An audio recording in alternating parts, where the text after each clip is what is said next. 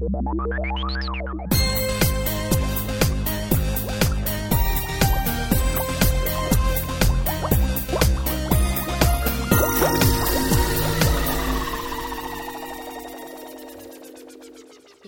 og velkommen til en ny episode av Rosa begerglass. Det er sesong to, og vi er episode to.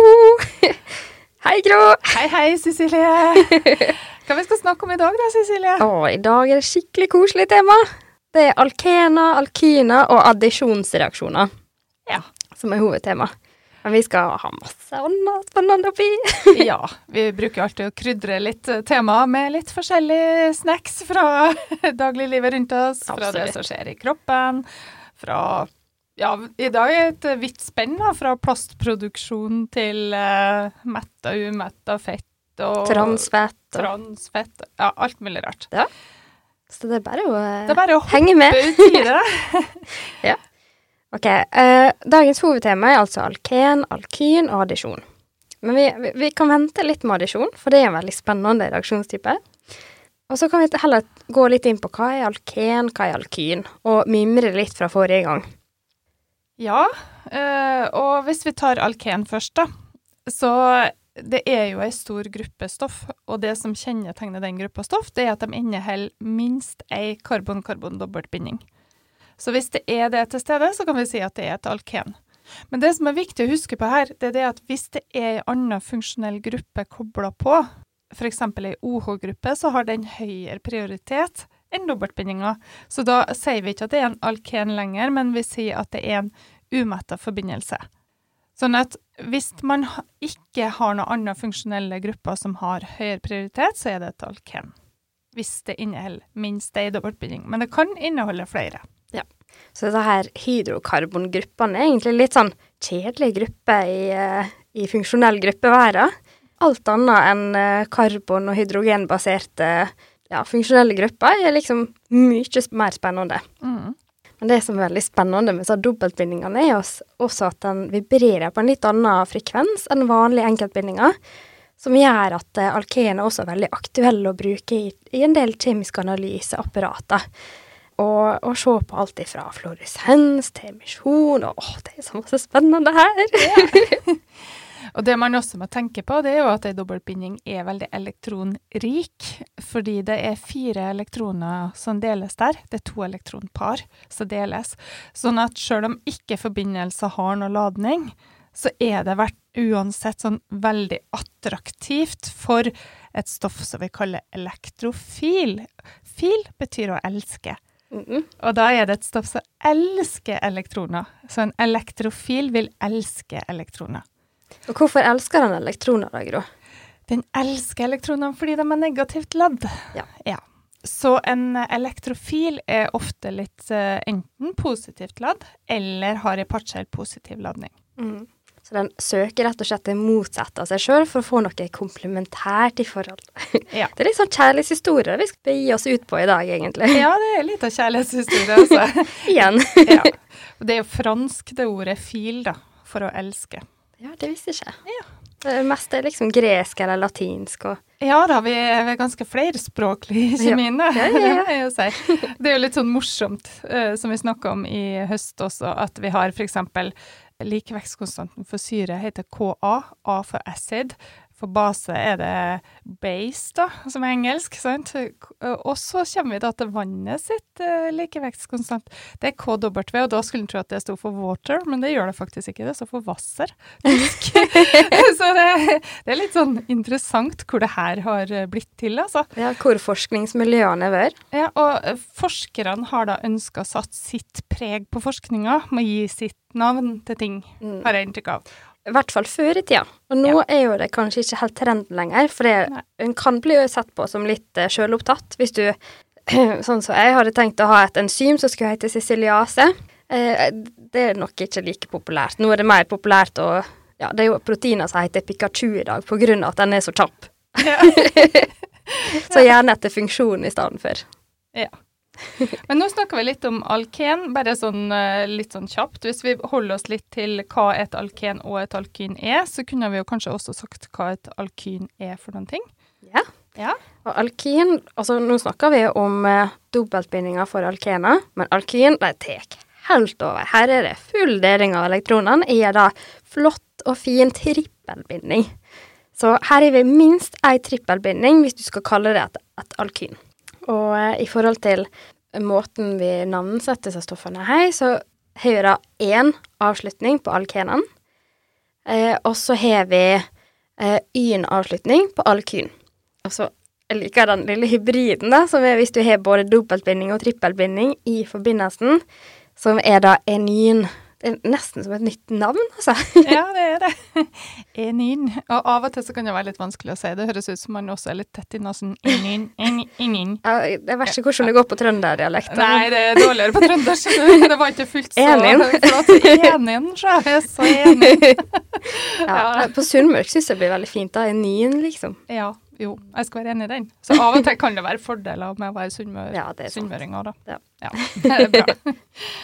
Ja, så vi var jo litt inne på det med navnsetting her, og som sagt, hvis det ikke er noen andre funksjonelle grupper som har høy prioritet, så blir endinga én på hvis det er en dobbeltbinding. Men så kan det hende at det kommer flere dobbeltbindinger i forbindelser. Og er det to dobbeltbindinger, da, så blir endinga di-1. Er det tre, så blir det tri-1. Er det fire, så blir det tetra-1. Jo, jeg måtte tenke meg om nå. Er ikke, litt uh, kjekt at vi, vi også må tenke oss om av og til, om vi er på rett vei? Men her er det så masse detaljer at her må du faktisk ha tunga beint i munnen, og mm. ha full kontroll, og gjerne, igjen, veldig kjekt å, i hvert fall for min del, så liker jeg å skrive det her foran meg, sånn at det er full kontroll. Og så er det jo sånn at når man skal navnsette, da, så øh, når vi snakka om alkana, så var det jo sånn at man skulle starte å telle fra den enden hvor man først møtte ei forgreining. Men når vi da hopper et hakk opp til et alken, f.eks., så skal vi telle fra den enden som gjør at dobbeltbindinga får lavest mulig nummer. Så da, øh, da hjelper ikke at vi har en substituent på det første karbonet på den ene enden, hvis dobbeltbindinga sitter nærmere den andre enden. Så, vi, så da har dobbeltbindinga høyere prioritet enn Woohoo! substituentene. Ja. Så da skal vi telle fra den enden. Og ellers er jo navnsettingsreglene egentlig likedan som for alkana, at man navnsetter substituentene først i alfabetisk rekkefølge. Ikke ut fra nummerering, men ut ifra alfabetet. Sånn at hvis vi har en brom som sitter på karbon nummer seks, og vi har en klor som sitter på karbon nummer fire, så skal vi si seks brom, fire klor. Og så videre, da, hvis det er flere substituenter, f.eks. Mm. Og så endinga, da, så må vi huske på at vi også må nummerere hvor dobbeltbindinga sitter hen. Eller flere, da, hvis vi har flere. Og det står en forklaring i boka om at dere skal gi det nummeret til det karbonet som har lavest nummer i dobbeltbindinga. Eksempel hvis dobbeltbindinga sitter mellom karbon 2 og 3, så skal det ha nummer 2. Men en enklere måte, syns jeg, da, det er bare å telle bindinga, det. Telle fra start. Binding 1, binding 2, binding 3, osv. Mm. Det bruker jeg, da. Det var lurt. Det har jeg aldri gjort før. Jeg Ja. liker, jeg liker å telle knekkene. Ja. Mm. Så, så bare dere eh, kommer fram til riktig nummer, så spiller det ikke noen rolle på hva måte dere gjør det. Og hvis det er f.eks. to dobbeltbindinger, da, så, og det sitter én på binding nummer én og én på binding nummer fire, så det er 1,4, og så de én som blir endinga, da. Så nå er det blanding av faktiske siffertall og eh, kjemitall. Og i tillegg eh, må vi tenke på hvor mange karbon her du under her det her. Så det er, nå begynner det å bli heftige kjemikalier her. Ja. Men så er det en annen ting som er veldig viktig å tenke på. Det er det at uh, man skal finne lengste karbonkjeden, men den må inneholde dobbeltbindinger. Så hvis dere f.eks. finner ei karbonkjede som er ti karbon i rekka, hvis dobbeltbindinga ikke er i den rekka, men ei rekke som er bare seks karbon, f.eks., så blir det bare seks karbon som blir hovedkarbonkjeden. For dobbeltbindingene må være med i hovedkarbonkjeden. Mm. Så det er også viktig å tenke på. Så har du de molekylene som inneholder flere dobbeltbindinger. Og der har vi også litt sånn forskjellige kategorier på dem. Det er litt avhengig av hvor er dobbeltbindingene plassert i forhold til hverandre. Hvis du har dem rett etter hverandre, det er liksom, det er ikke måte på hvor masse oppsamla dobbeltbindinger som kommer på rekke og rad, så snakker, snakker vi om så kumulerte forbindelsene. Da er, da er det dobbeltbinding, dobbeltbinding, dobbeltbinding.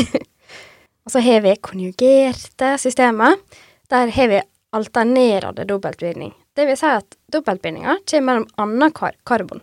Så da får vi et lite pause mellom hver dobbeltbinding før vi hopper videre på neste. Og her er jo betakaroten utrolig godt eksempel. For da har du en ganske lang kjede mellom her ringstrukturene i hver ende.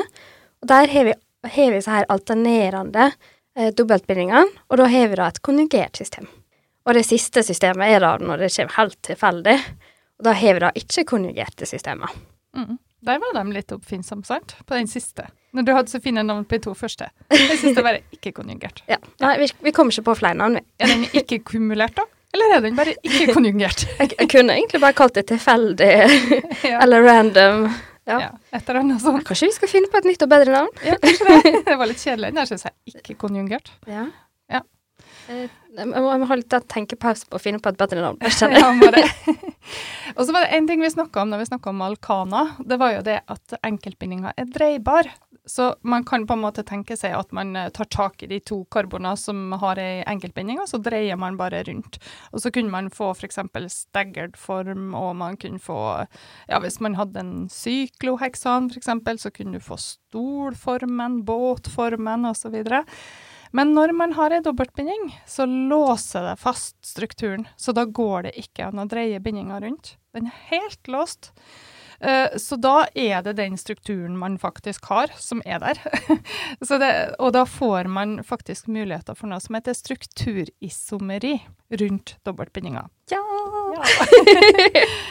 Og eh, da har vi to ulike system. Vi har cis og trans, og vi har EZ.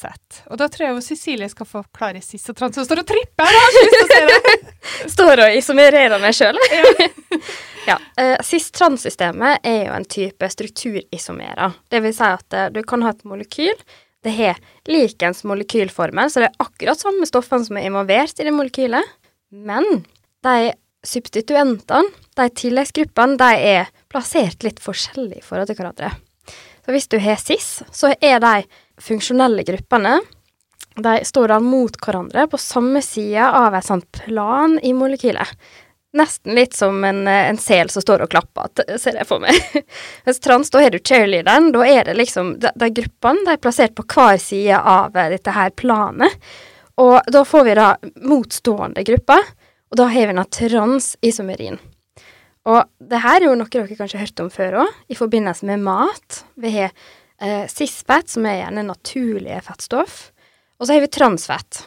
Transfett kan også være en naturlig forbindelse. Du, har enkelte kjøttprodukter, enkelte melkeprodukter f.eks. Men veldig ofte så får vi transfett produsert som et biprodukt når vi driver og herder planteolje. Altså gjør planteoljen um, hardere. Transfett har også den egenskapen, fordi den har en helt annen struktur, annen form på molekylet, så har den den egenskapen at det har en høyere kokepunkt. Og det er ofte brukt i en del sånn fettmat, eller hva skal jeg si, junkfood, på grunn av den egenskapen. Men så viser det seg at det, den, de har noen andre egenskaper òg, som ikke er så veldig heldige. Eh, her er jo det, ja, vist en del uheldigheter i forhold til helsa di. Så en må passe på å ikke ete for masse transfett, for det, det, det er forskning som tyder på at det kan bidra til økte tilfeller med Alzheimers. Du kan få problemer i forhold til, til hjerte-karsykdommer osv. Så, videre. så vær litt forsiktig med eh, transfettinntaket av det her. Ja, så har jeg også hørt at eh, den bruningsreaksjonen som skjer, altså når fettet blir sånn helt skikkelig brunsvart, eh, danner også noen forbindelser som er kreftframkallende. Er det bensin, kanskje? Ja, kanskje det er det. Det kan hende, altså. Kan hende. Jeg har ikke noe belegg for å si akkurat hva det er, men uh, Mm. ja, så litt, man må litt, være litt forsiktig. litt sånn som når du griller pølse på bålet, og du får svart pølse. Da er det, da er det gjerne mye bensin på pølsa, og den Ja. er kreftfremkallende. Ja. Så vær, vær litt obs i påska, folkens. Ja, må være det. Men så har vi en annen type strukturisomeri som heter EZ, og det er kanskje ikke et så kjent system, men det omhandler litt av det samme som Cecilie har snakka om, at man kan ha ulike grupper. Du har cheerleaderen, f.eks. At du har en gruppe på hver side av, av eh, dobbeltbindinga. Men så er det av og til man ikke greier å si at hva er det som er like gruppe? Hva er det som er på samme side av dobbeltbindinga? F.eks. hvis jeg hadde hatt brom på ene sida, klor på andre sida, fluor nede og amingruppe på den andre. Mm. Da er det fire ulike grupper, og de kan jo plasseres på forskjellig måte. Og da er det jo egentlig to forskjellige strukturisomere. Og hva kaller man det da? Og det er da vi har det her EZ-isomerisystemet eh, til å hjelpe oss. Og det dere da gjør, det er de karbonene som deltar i dobbeltbindinga. Så ser dere hva stoff som er bundet til dem. F.eks. hvis jeg nevnte på det første, da, så var det brom og fluor. Så går jeg inn i periodesystemet, og så ser jeg på hvem av dem har høyest atomnummer. Er det brom, eller er det fluor? Og det er jo brom. Brom har høyest eh, atomnummer, og får da høyest prioritet. Og så går jeg på det andre karbonet i dobbeltbindinga. Og hvis jeg der hadde klor og ei eh, nitrogruppe, så er det klor som har høyest atomnummer. Da har den høyest prioritet. Og da peker de gruppene som har høyest prioritet, i samme retning hvis begge da peker sånn som sist, f.eks., da, som hun snakka om denne Hvis de to høyest prioriterte gruppene, altså de atomene som har høyest atomnummer, hvis de peker samme retning, så er det en Z-isomer hvis de peker som cheerleaderen i motsatt retning her, her står vi og danser, altså. Det tar, tar, tar helt av i studio i dag. ja, det tar helt av. Da er de i E. Da er det en E-isomer.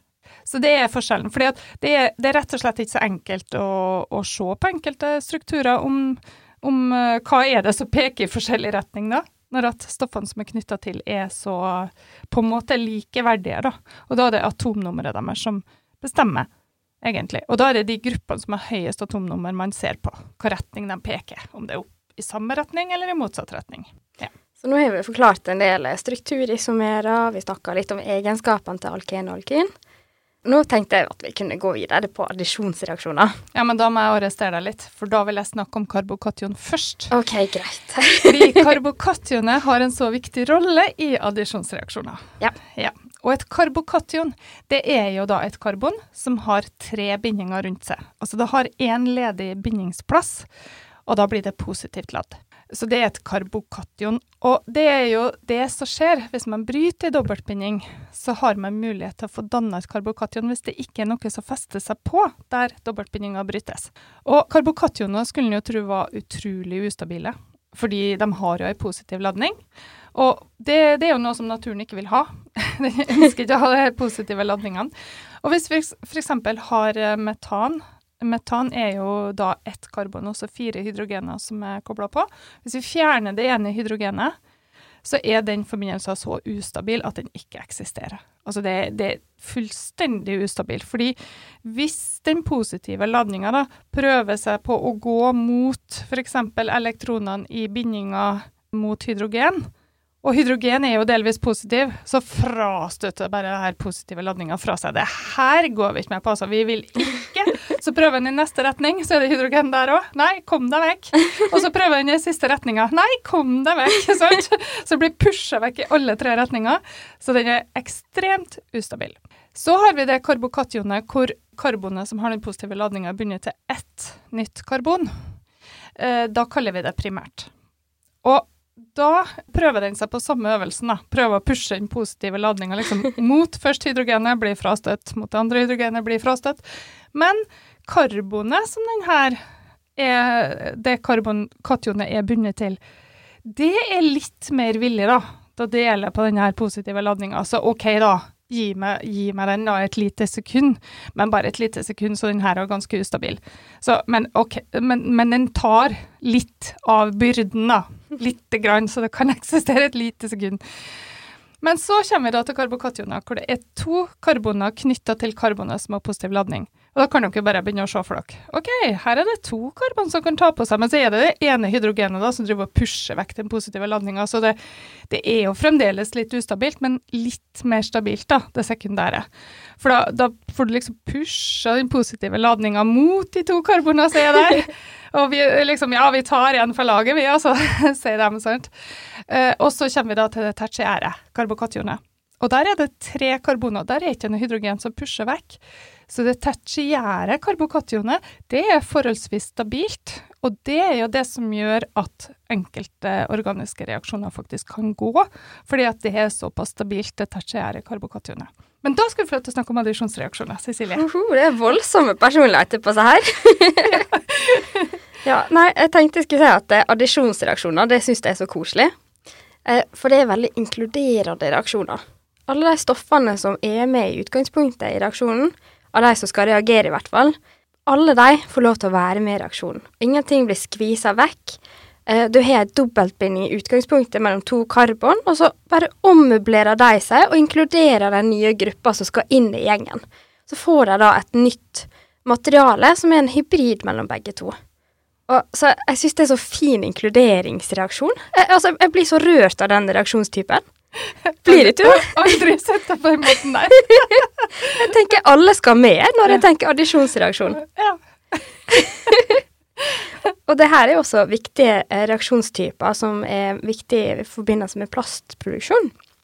Eh, her så er jo det en av måtene vi produserer plast på, med at du har en, har en utgangsstoff som skal bygges på med videre polymer, altså repeterbare enheter. Eksempel på plastmateriale som blir bygd opp med addisjonsreaksjoner, der det bare inkluderer neste gruppe. Ja, kom, kom, bygg meg opp! Eh, er polyetylen, altså PE, polypropylen, altså PP. Og så det fine stoffet, da, som heter polytetrafluoroetylen. PTFE. Vi bruker ikke det så mye i dagligtalen, men dere har mye med det å gjøre. For det, det her er jo det stoffet som er i Gore-Tex-materialet i klær, eller en del av teflonlaget på panna di. Så, på panna, faktisk? Steikepanna, kanskje? Steikepanna. Nei! jeg klarte ikke å dy meg. Men det som er veldig kjekt med det laget her, er at det, det er ikke så veldig reaktivt. Så derfor blir det brukt en del innen kirurgi og sånn også, fordi at det reagerer ikke. I utgangspunktet i hvert fall. Med mindre du har hull, f.eks. i teflonbelegget, eh, og får det ripe. Da får du veldig tynne deler av det materialet, og ved oppvarming så vil det faktisk bli så oppvarma at det frigjør en del uheldige gasser. Og hvis vi bare ser på, på denne forbindelsen her sin oppbygging, så har du da du har ei, karbonrekke som er enkeltbindinger mellom. Og i stedet for hydrogen, som en skulle vanligvis tro, så har du erstatta alle hydrogenene med fluor. Så her er jo masse fluor i den forbindelsen her. Og det kan jo være et uheldig stoff hvis det kommer på avveie. Mm, det er jo faktisk eh, Det er forskning som indikerer at det kan være kreftfremkallende. Så derfor er det veldig viktig å, å ikke ta vare på denne eh, teflonpanna hvis det blir skraping og sånn i. Mm. Ja, sånn egentlig, Det er jo derfor vi skal bruke plastredskaper eller treredskaper i ei teflonpanne, sånn at ikke vi ikke lager riper i det lageret. Så det er egentlig bare å skrote hele panna hvis vi finner ut at det ja. Er ripa i den. I hvert fall så dype at det går ned i laget under, da. Mm. Mm. Det er sant. Men uh, det som egentlig initierer en addisjonsreaksjon, da, det er jo det at uh, den dobbeltbindinga som er der, brytes. Og da, når den brytes, så er det mulig å feste på et stoff. Som hun sa, Cecilie, så inkluderer man den forbindelsen man fester på. Hvis man har ei um, alkenforbindelse som er symmetrisk, Også det vil si at hvis jeg hadde tatt et speil gjennom dobbeltbindinga, så hadde den sett likedan ut på begge sider. Da har det ikke spilt noen rolle om det reagenset tilsatte var symmetrisk eller ikke, for da hadde jeg ville fått festa på Si at jeg tilsatte f.eks. hydrogenbromid, da. Da hadde jeg fått hydrogen på det ene karbonet, brom på det andre. Og da har det ikke spilt noen rolle hvor de festa seg, fordi alkenet var symmetrisk, og da ville jeg kunne bare snurre forbindelser rundt, så hadde det blitt det samme stoffet uansett. Men hvis man har ei forbindelse, ei et alken som er usymmetrisk, og vi har et reagens som er usymmetrisk. Da er det faktisk mulig å få to ulike produkt. Fordi hvis alkenet da er usymmetrisk, og vi tilsetter f.eks. hydrogenbromid, så vil jo brommen kunne feste seg på enten den ene sida av dobbeltbindinga eller den andre sida av dobbeltbindinga, og det blir to ulike forbindelser. Og da var det en som het Markovnikov. Han fant ut av det her. Det vil si at han skjønte ikke hele mekanismen bak hvorfor det skjedde, men han fant ut at det skjedde. Det han fant ut, det var det at hvis du da har et reagens som hydrogenbromide, f.eks., som består da av en elektropositiv del som er hydrogen, en elektronegativ del som er brom, så vil den elektropositive delen av reagenset feste seg til det karbonet i dobbeltbindinga som har flest hydrogener knytta til seg. For når markovene går ut. Det blir nesten rapping her, Gro. Det, å, det var vanskelig å si. Jeg kjente sjøl at jeg bare oh, Jeg må nesten ha vann, for det, ble, det var så lang setning. Eh, Men eh, som sagt, han fant ut at det var det som skjedde, men han fant egentlig ikke ut hvorfor det skjedde. Og de forskerne som kom etter han, de har vel ikke vært så navnsatt som han Markovnikov, da, for det, det var jo sett på som en liten revolusjon å finne ut av det her, så derfor fikk han sin egen regel etter seg, han Markovnikov. Men det som egentlig skjer når man bryter dobbeltbinding, så får man ei, et karbokation. Og stabiliteten til karbokationet er clouet her. Fordi at reaksjonen vil gå via den veien som gir et mest mulig stabilt karbokation. Det vil si at den elektropositive delen av reagenset, som er hydrogenet, vil da feste seg på den sida av dobbeltbindinga som gjør at vi får danna et mest mulig stabilt karbokation. Og da må dere rett og slett vurdere, hvis karbokationet er på den ene sida av dobbeltbindinga, blir det primært, sekundært eller tertiært, og hva blir det hvis det blir karbokation på den andre sida av dobbeltbindinga. Og da velger dere den som har det mest stabile karbokationet. Så er det mulighet til å danne tertiært karbokation. Da skal dere lage karbokationet på den sida og feste hydrogenet på andre sida. Og da vil det elektronegative delen av reagenset, sånn som brom, feste seg på karbokationet. For der er det sånn at pluss og minus tiltrekker hverandre.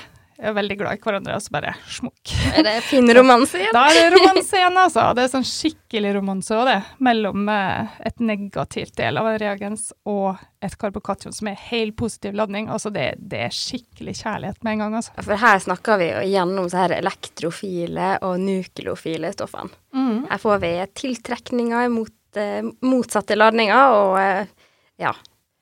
Så vi kan egentlig rep repetere det. da. Elektrofil elsker elektroner, og elektroner er negative. Altså det elsker nesten negativt. Og dobbeltbindingene er jo negative. Så da er det elektrofilen som på en måte den søker mot denne dobbeltbindinga. Og yes, her er det masse negativitet! Oi sann, shit, det var ikke så positivt kanskje, men Her er masse negativ ladning, og det er vi så glad i, vi elsker det. Så det er elektrofilen som søker mot det her. Mens hvis vi da ser på f.eks. brom, da, som er negativt ladd, den er nukleofil. Fil, den elsker nukleus, og hva nukleus? Jo, nukleus er positivt. Nei, nukleus er positiv! Det var det jeg skulle fram til, ikke kjærlighet nå. jeg sa kjerne. Å oh, ja, kjerne. Jeg syns du sa kjærlighet, Cecilie. Ja, ja. Nå, ja. nå, nå, nå går det over styret. Nå går det helt over styr. Nukleofil elsker noe som er positivt. Kjerna er positivt. Tenk på kjerne som nukleus. Ja. Så nukleofilen søker det seg positivt. Og da vil brummen da være nukleofil og bare smukk søke inn mot det positive karbokationet og feste seg på der. Så det er egentlig den enkle forklaringa på Markovnikovs regel. Jeg vet ikke om dere syns den var enkel, men jeg syns den egentlig er det litt, da, for det er litt logisk. Mm. Det negative, det søker det positive, og, og omvendt. Ja. Og hvis dere da ikke husker hele forklaringa, så kan dere jo bruke Markovnikov sin forklaring. At den positive delen av reagenset fester seg der det er mest hydrogen. Ja. Og da må den andre feste seg på andre sida. Men det er en sånn veldig forenkling, altså. Dere må egentlig skjønne at det går via det mest stabile karbokationet. Men det er i hvert fall en start mm. når dere skal begynne å se på de her reaksjonene. Så har vi noe som heter frie radikaladdisjon, eh, som egentlig oppsummerer veldig mye av, eh, av stoffet i episoden her. Mm. Har du lyst til å si litt om det, Gro? Jeg kan i hvert fall forsøke. Blant annet den polymeriseringa som Cecilie snakka om, den er jo initiert av en sånn fri radikaldannelse. En fri radikaldannelse det er jo det at man bryter opp ei dobbeltbinding, men så det, blir det ett ledig, ett enkelt ledig elektron. Og det enkeltledige elektronet er ekstremt reaktivt og søker da mot noe noe som den kan på en måte fordele den, det med, da. altså dele det her elektronet med. Uh, og da er sånne monomerer som er f.eks. Uh, eh, du snakka om eten. Eten da, som har en dobbeltbinding.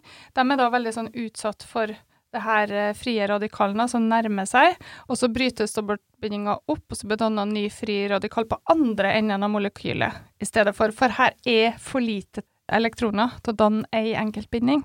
Der er for lite, men da søker det igjen mot en ny forbindelse eller monomer med dobbeltbinding. Men det som er da, når man holder på med sånn polymerisering f.eks., så kan eh, Sånn som f.eks. på laben, så skal vi eh, prøve å lage nylon. Og kanskje noen har prøvd det på videregående også, man skal lage nylon. Det som skjer da, det er jo at man lenker sammen mange forskjellige Ikke forskjellige, mange monomerer etter hverandre i rekke. Men så plutselig så kuttes tråden det fortsetter liksom ikke, sjøl om man har alle ingrediensene til stede. Man har fått noe som heter terminering. Da kan det jo være at to sånne polymerkjeder møter hverandre, og begge har jo en sånn fri radikal på hver sin ende. Og når de da går sammen, så får de danna en enkeltbinding, og da er begge veldig fornøyd. Så da har man fått en terminering. Så da har man på en måte ikke fått fortsatt denne polymeriseringa som man ønsker, da. Mm. Så man trenger denne fri, frie radikalen for at denne reaksjonen da skal fortsette å gå. Frie radikaler kan også oppstå i kroppen, og det kan skje spesielt også hvis vi spiser transfett, altså ting som er stekt ved veldig høy varme. Eh, det kan også være om dere bruker f.eks. planteolje til å steike ting i stekepanna. Mm. Hvis dere har for høy varme, så får dere danna frie radikaler. Og de frie radikalene er veldig reaktive i kroppen, og de kan faktisk være kreftframkallende. Mm. Uh, fordi at de er så reaktive og reagerer på uheldige plasser, da. Som DNA-et vårt, f.eks. Ja, som DNA-et vårt. For masse mutasjoner og ja. veldig uønska effekter. Ja.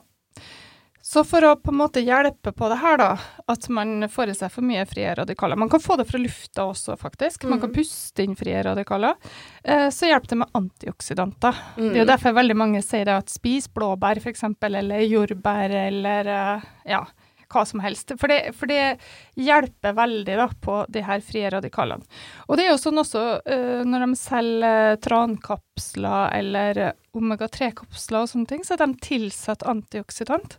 Og det er fordi at de her uh, fetta fra fisk er jo umetta. Mm. Så de inneholder dobbeltbindinger, og hvis det da er frie radikaler til stede, så er de på en måte så utsatt for å bli ødelagt. da. Så for å unngå det at de blir degradert og det stanker skikkelig fiskeolje og ja, heller sånn mm. ja, oksidert fett, så tilsettes antioksidanter, f.eks. E-vitamin. Mm. Er en antioksidant som da kan hamle opp med disse her frie radikalene. Ja. Og samme skjer litt i kroppen òg. De, de, går inn og beskytter DNA-et vårt og alt annet som vi ikke har lyst til å bli angrepet med. Og så her frie radikalene. De går i forsvarsposisjon, forsvarer oss og tar støyten og ja, reagerer med de frie radikalene i stedet for. Ja. Så heldigvis så har vi en motis for det òg. ja. Så ut i skogen, plukk blåbær. Ja, ikke nå, da. jordbær. ja.